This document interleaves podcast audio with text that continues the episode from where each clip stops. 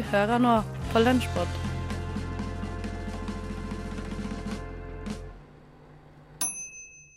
Lunsjpod her fra Radio Nova, din favorittkanal. Og din favorittpodkast. Absolutt. Og dine to favorittstemmer i studio. Jeg heter Ådne Feiring, er ansvarlig redaktør i Radio Nova.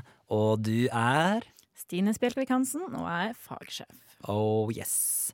Og vi, vi har Eller du, Stine. Jeg skal innrømme det. At det er du som har plukket Hæ? ut Hva du snakker om? Dette er jo samarbeid. Ja, du har plukket ut eh, noen smakebiter fra uka som har gått her på Radio Nova. Og ja, skal vi bare kjøre på, eller? Ja, uke 41. Da starta vi med tekstbehandlingsprogrammet. Toralf Høstmeldingen og Brage Gallis hadde besøk av forfatter Jens Johansson i studio. Det vi skal høre nå, et utdrag fra intervjuet med forfatteren, der han så leser fra boka Lavterskeltilbud. Du er fortsatt med oss i tekstbehandlingsprogrammet med Torolf Brage og Jens Johansson.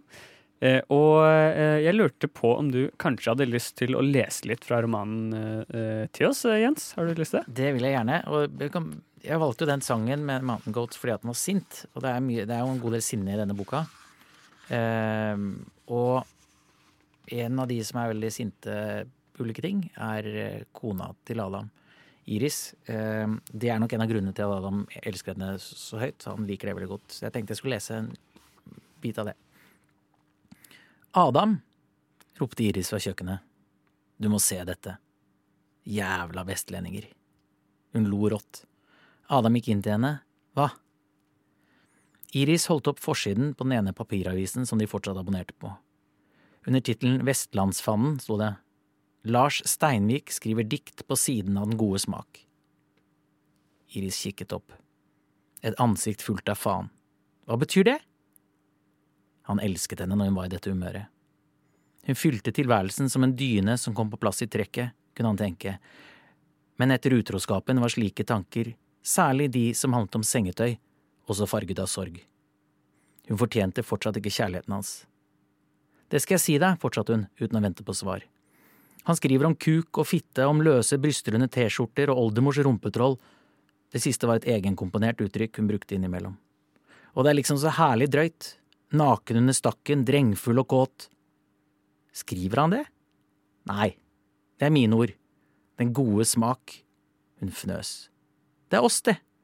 Det spiller ingen rolle hvor mange statsråder og statssekretærer som siver hit over fjellene og spyr ut sitt rasistiske, reaksjonære budskap. Fortsatt slipper vestlendingene unna med å skrive om Oslobygda, om arrogansen de møter her. Ta hun naboen under. Vestlending. Og hva var det hun sa da vi stoppet og hilste på henne? At det var ingen i Oslo som stoppet og hilste. Men hun har faen ikke hilst noen gang, etter sju år i oppgangen. Uansett hva som skjer, kan de fortsette å påberope seg et utenforskap og skrive om sin egen eksilskjebne, selv om de de facto er helgespaltister i landets største aviser. Adam hadde satt seg. De facto er nok et uttrykk som kan bli brukt mot deg her. Jeg tror det er fjellene som ødelegger dem, fortsatte Iris. Vestlandslandskapet ligger i dem som en verkende storromantisk byll. De flytter hit, men når de får barn, begynner de å skamme seg over valget de har tatt. Tenk å la sine små nurk vokse opp i Oslo. Men nå har de gode jobber her, flott økonomi. Så som en beskyttelse mot skammen flyter den selvgode stoltheten opp og blir liggende som fett på vannet. De beundrer gårdene som klorer seg fast i en fjellside. De begynner å snakke om den norske kulturen. De er bekymret for den. Og de bor i byen, så de vet hva de snakker om, mener de. Selv om barna deres går på privatskole, for det har de råd til. Og de har selvfølgelig gjennomskuet det offentlige skolevesenet, for dette er mennesker som gjennomskuer alt. De har fjellene i ryggen, mot i brystet og hovedstadsfrakt i blikket. Og hva er da mer naturlig enn til slutt å snu seg mot innvandrerne? Snart, når de føler seg trygge eller har drukket litt for mye, snakker de dritt om muslimer og mener de er maktkritiske. Vestlendinger? spurte Adam. Selvgode jævler, sa Iris. Tusen takk for det. Jo, takk, takk. Eh, Jeg må jo bare få si at eh, noe av det jeg virkelig elsket med den romanen, var at språket var så rett fra levra.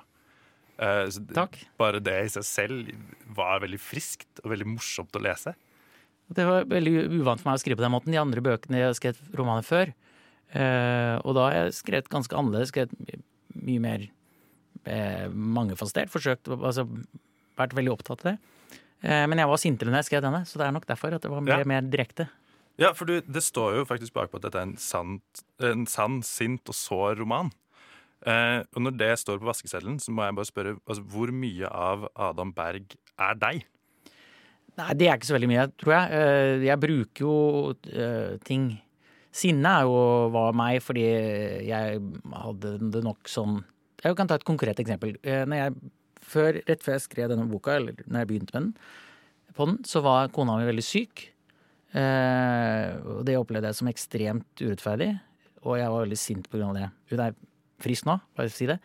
Eh, og Eh, og det var kona mi som påpekte det, så begynte jeg å skrive boka. og Det var derfor jeg var opptatt av både at jeg var sint, men også skrive morsomt. Jeg ville ha noe morsomt som jeg, jeg kunne underholde meg selv med og le litt av. Jeg tenkte å, å le litt. Og jeg trengte også å komme hjem til henne og kunne fortelle morsomme ting. Um, men det var hun som påpekte at det at jeg hadde gjort kona utro, eh, at hun mente at det er en klar parallell til at hun var så syk. At jeg nok følte det som et slags svik som det ikke var noens skyld. Eh, og det hadde jeg ikke sett sjøl engang. Så er, sånn tror jeg på en måte det sniker seg inn virkelighet i større grad. Hvordan da? Eh, Hvordan kunne hun koble de to? Nei, At du eller? føler at noen du har vært gift med veldig lenge, plutselig var en fare for at hun skulle forsvinne. Eh, sånn tror jeg det var koblingen var. Så det er ikke en sånn rasjonell følelse nødvendigvis? Nei, svært, er, irras svært irrasjonell. ja, ja, ja. Det er litt spennende. Er det sånn at Adam Berg liksom skal ta et slags oppgjør med virkelighetslitteraturen i eh, det bokprosjektet sitt eh, også? Jeg tuller i hvert fall litt med det. eh, For at jeg- har skrevet en roman før som het 'Bryllup og begravelser', som er basert på eh, åpent eh, basert på meg og min familie. Eh, og- Så jeg tuller jo litt med meg selv også, og, og, og all diskusjonen om det. Ved å ta opp at han jo er veldig lei av at vi skriver om familie, at vi skriver om våre egne liv, og at vi ikke skriver om hvordan andre har det. Eh, Så det, var, det er vel både ektefølt, men også litt tullete. Det er jo nesten en klisjé uh, blitt at, eh, at eh, alle aviser prøver å finne ut av hvor mye av denne boken er egentlig forfatteren, på en måte. Ja, og jeg, jeg kan jo forstå interessen, eh, egentlig. Eh, samtidig så, så er det, det, er jo vanskelig å svare på ofte, fordi med mindre det er et stort poeng. Eh, så er det jo Og det, som jeg nevnte, jeg tror det siver inn på, ulike måter. Og for ulike forfattere er det sikkert veldig veldig ulikt. Noen bruker det sikkert ikke i det hele tatt. Eh, for meg er det vanskelig å skille det helt. Det er ting som jeg benytter meg av. Eh, men jeg, det der er jo en veldig komplisert diskusjon, syns jeg. Eh, men jeg skulle ønske vi ikke, ja, at vi ble litt ferdig med det. Ja, Vi har ikke tid til å diskutere det nå heller. ja, vi har bare en times tid. Så jeg tenker at vi skal høre eh, litt mer musikk, og det er Pulp med Common People, som også er en sang som du har tatt med til oss. Ja, og det er, Der er jo linken mer klar, kanskje. At det er jo, den handler jo om en dame som kommer begynner på art school eh, fra Hellas og vil lære seg om hvordan vanlig, hvordan arbeiderklassen eh, lever. Tore Førstmeldingen, Brage Gallis og gjest Jens Johansson der fra tekstbehandlingsprogrammet. Lavterskeltilbud der, altså, hvis du fikk lyst til å lese den romanen. Vi skal videre, vi. Eh, fra en forfatter til en trommis. Eh, det er nemlig slik at for litt siden så døde Ginger Baker, som er en av verdens mest kjente trommiser. Visstnok. Visstnok, jeg har aldri hørt den personen før. Sjæl. Men det stopper oss ikke fra å høre på denne nekrologen som Sofie Granberg har eh, laga for Skumma kultur. Og de andre du hører i studio, det er Henrik Rask og Anniken Falk Hillestad. In French, merci. Merci. In Spanish, gracias. Gracias. In Swahili, asante. Asante. Sana. Takketirsdag. Yes, det er tirsdag, så det skal takkes. Og det betyr da at uh, vi skal takke, som vi ofte pleier å gjøre, en, en avdød fyr. For det er nettopp noen som, som uh, Hva skal jeg si? Signa om. Kan ikke kalle det det. 80 år gammel. Ja. Ja. Ginger Baker. Ginger Baker. Ginger Baker. Trommis. Trommis. Ok, nå begynner du å lære her. Ja. I, eller hva er trommis? Trommis i Cream, Ok, ja. Blind Faith, mest kjent for de, egentlig. Ja. På sånn 60-tallsband. Okay. band og eh, totalt gal mann. Totalt gal mann, ja. Totalt gal mann. Okay. Eh, det er jo en biografi om han fra 2012. Ikke biografi, eh, eh, dokumentar. Ja.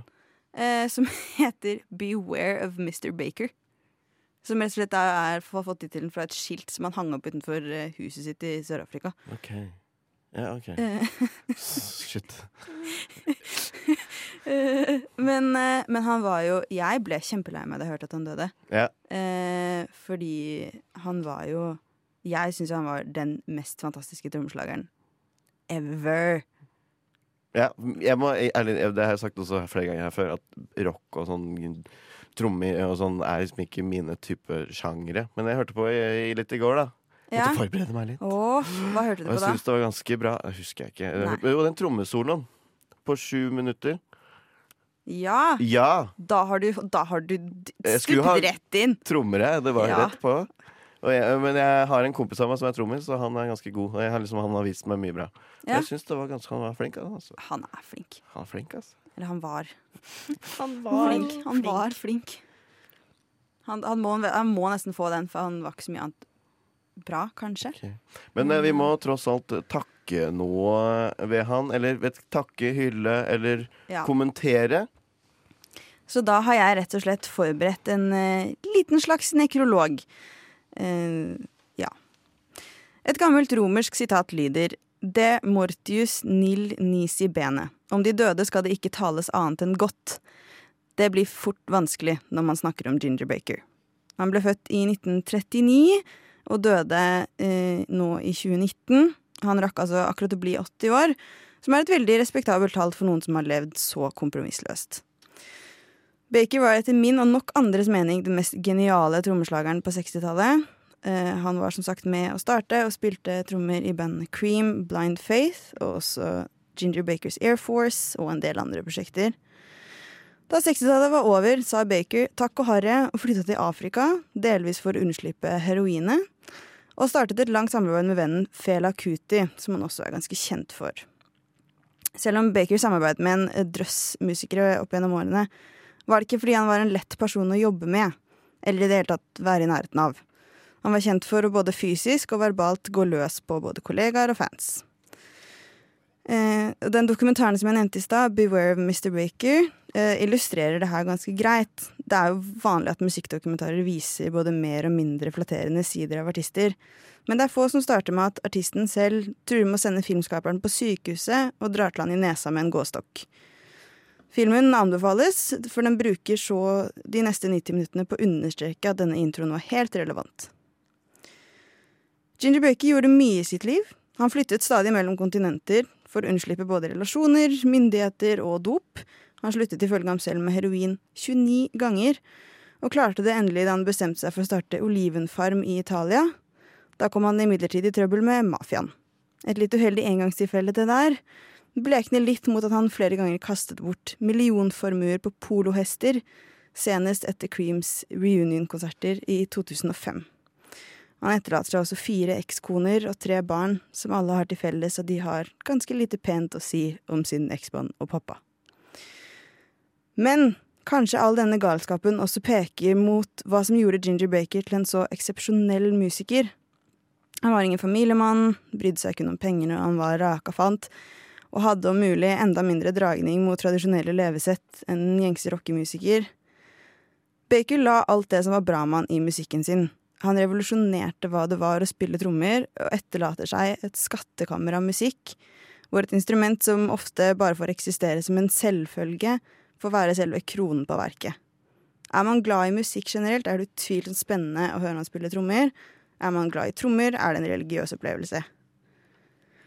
En hakkende gal mann bak i trommesett som på instinkt vet hva han driver med, og ikke er redd for rett og slett dytte det inn i øra på deg. Som aldri har hørt ordet overdrivelse, og som bare spiller videre. Fordi det er det og bare det han lever for. Det er fint. Det er kun spørsmålet om å tro eller ikke tro som reiser tvil om hvor Ginger Baker er nå. Selv ekskona hans uttalte at han ville ha overlevd en flystyrt fordi the devil take, takes care of his own. Vi får bare håpe at det sto klart et trommesett i helvete da han endelig vendte hjem på søndag, men det tok vel Keith Moon seg av for lenge siden. Takketirsdag var det, Stine. Takketirsdag. Det er noe vi gjør på tirsdager, så er det ikke å takke, men det er en lang dag, er det ikke det? Nei, nei, ikke du, nei du, du, du liker tirsdager, kanskje? Jeg elsker tirsdager. Tirsdager er en topp dag. Den er jo rett etter mandag og rett før onsdag. Ja, det går Også to veldig gode dager. Eh, De du skal takke for at du lærte litt om Ginger Baker, det var Sofie Granberg, Henrik Rask og Anniken Falk Hillestad i Skumma kultur. Ja, for nå står det til med deg og nazismen, Stine? Jeg, skal ikke skryte på meg å ha noe forhold til det, egentlig. Nei, det er trist å høre, men ok. Hva med Son of Music? Har du noe forhold til den musikalen? Mm, Niks null. Aldri hørt, aldri sett. Er det sant? Det er helt sant. Vet du hva, jeg elsker Son of Music, og jeg har et sånt Jeg går rundt og bare tenker på at jeg har så forbanna lyst til å se Sound of Music snart. Så det må jeg gjøre. Ja, men da passer det jo veldig fint å la seg inspirere av Maja her. For Maja i Frokost hun har vært på Folketeatret og sett nettopp Sound of Music. Hun lot seg imponere av ting som kanskje ikke det mest naturlige å tenke at man skal la seg inspirere av. Jeg var og så på Sound of Music her om dagen, på Folketeatret. Ja, The Hills Are Alive. With the Sound of Music. Oh yeah. Sound of music. Yeah. Og det handler da om familien von Trapp. Stemmer Eh, som eh, ser seg nødt til å rømme fordi at nazismen regjerer i Østerrike. Så de må rømme over fjellene, for mister von Trapp han har ikke lyst til å gi seg. Han står på sitt, han skal ikke bli nazist. Og for å gjøre det så må de eh, opptre på sånn talentshow. Og så skulle de da liksom igjen Og så skulle de rømme når de var ferdig.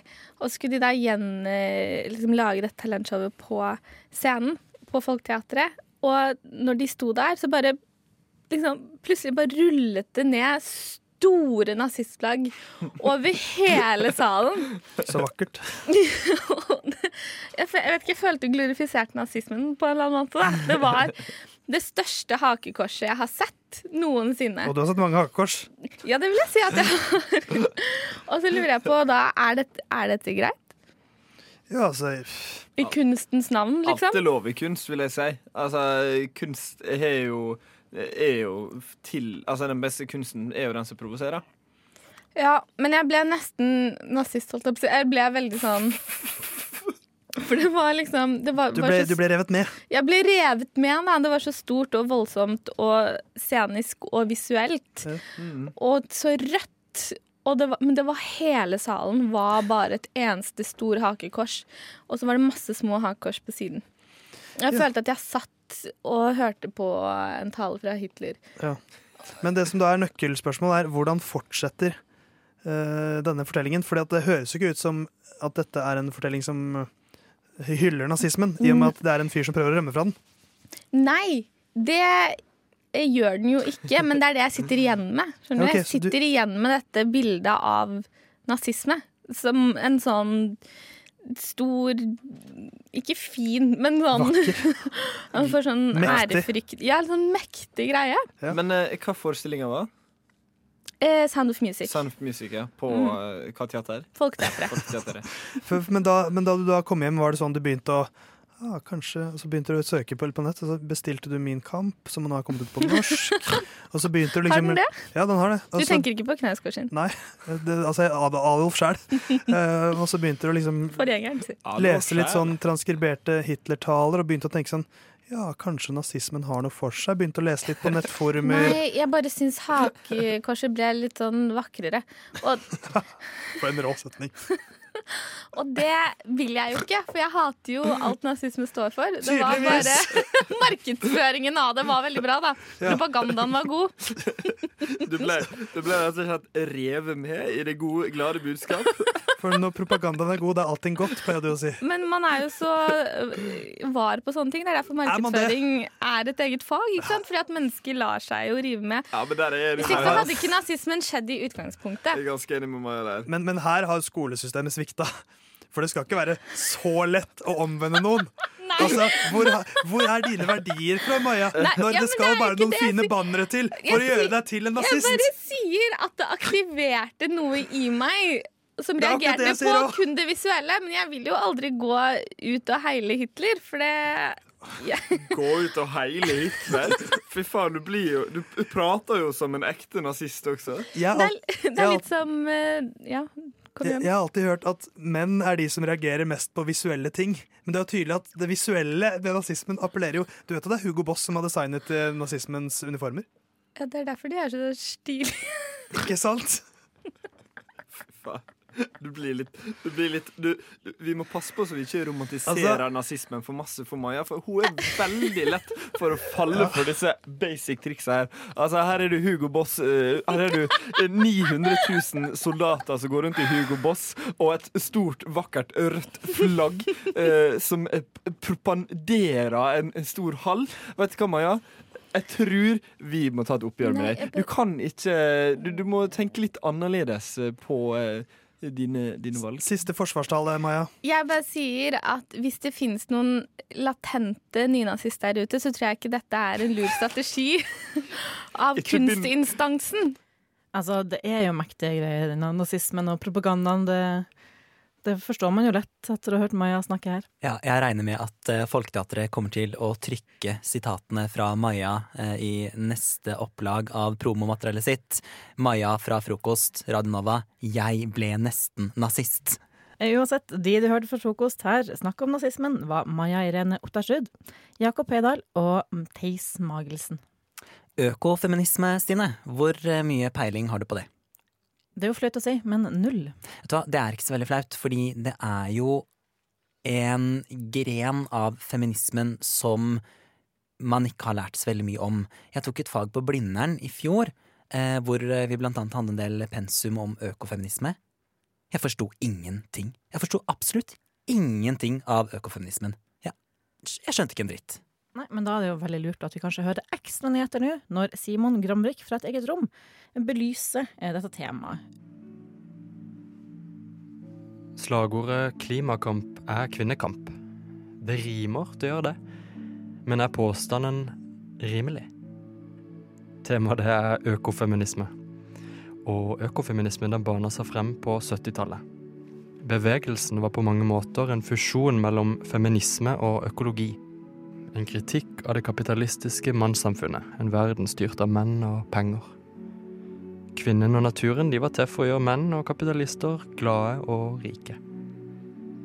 Økofeminister mener at det er en sammenheng mellom overbeskatning av naturen og undertrykking av kvinner. Forklaringa bak eh, avskoging og voldtekt er i bunn og grunn den samme. Vestlige samfunn de er nemlig organisert ut ifra en hierarkisk logikk.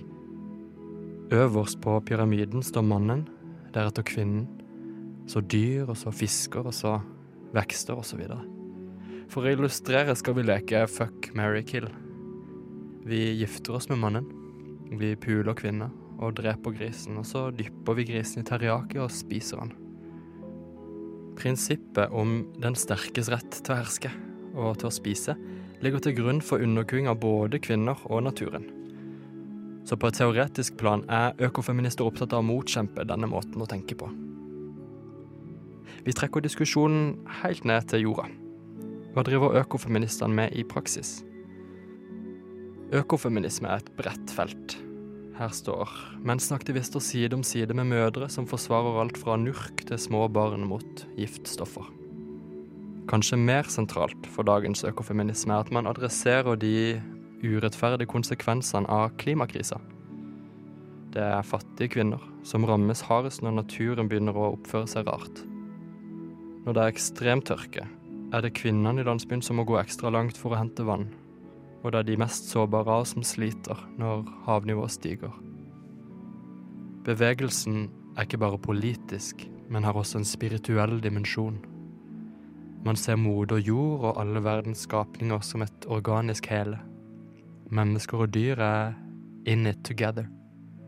Det fins noen veldig radikale økofeminister som mener at det er et ekstra sterkt bånd mellom kvinnen og naturen, men dette står ikke så mange moderne økofeminister innenfor.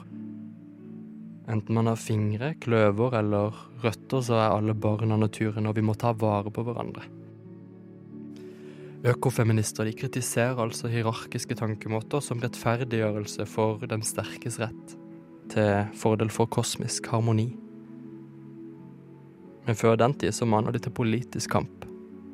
Ikke bare for sister, men også for mother. Ja, det er lite om økofeminisme i eh, norsk media om dagen.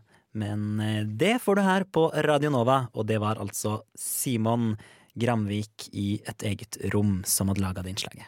Men noe det derimot er veldig mye av i media for tida, er rettssaken mot eh, Jan Erik Iversen og utpressinga han angivelig har gjort av Kjell Inge Røkke. Her får vi eksklusive opptak fra rettssaken, levert av radiotjenesten. Torpedoen Jan Erik Iversen hevder rikingen Kjell Inge Røkke skylder ham penger for ulike utpressingsoppdrag, annet for å fjerne en person for godt. Under rettssaken i dag kom det frem eh, hvem det var snakk om. Her er radiotjenestens eksklusive opptak fra rettssaken. Jan Erik Iversen, hvem er det du mener Røkke ønsket å fjerne for godt? Jo, han eh, ville at jeg skulle drepe Kjell Inge Røkke! Hvor er mine skatter? Unnskyld! Unnskyld meg! Hvem i alle dager er du? Langkrabber! Jeg, selveste kaptein Sabeltann, kongen på de syv hav! Jeg seilte fra Karibien Stopp! Stopp! Du kan ikke bare buse inn. Røkke skylder meg gull og skatter for mitt arbeid på havet! Vakter! Vakter! Få meg vekk! Nei, jeg kan gå selv! Ingen skal få berøre den beryktede kaptein Sabeltann! Røkke, din lille krill! Jeg venter på deg ved bilen!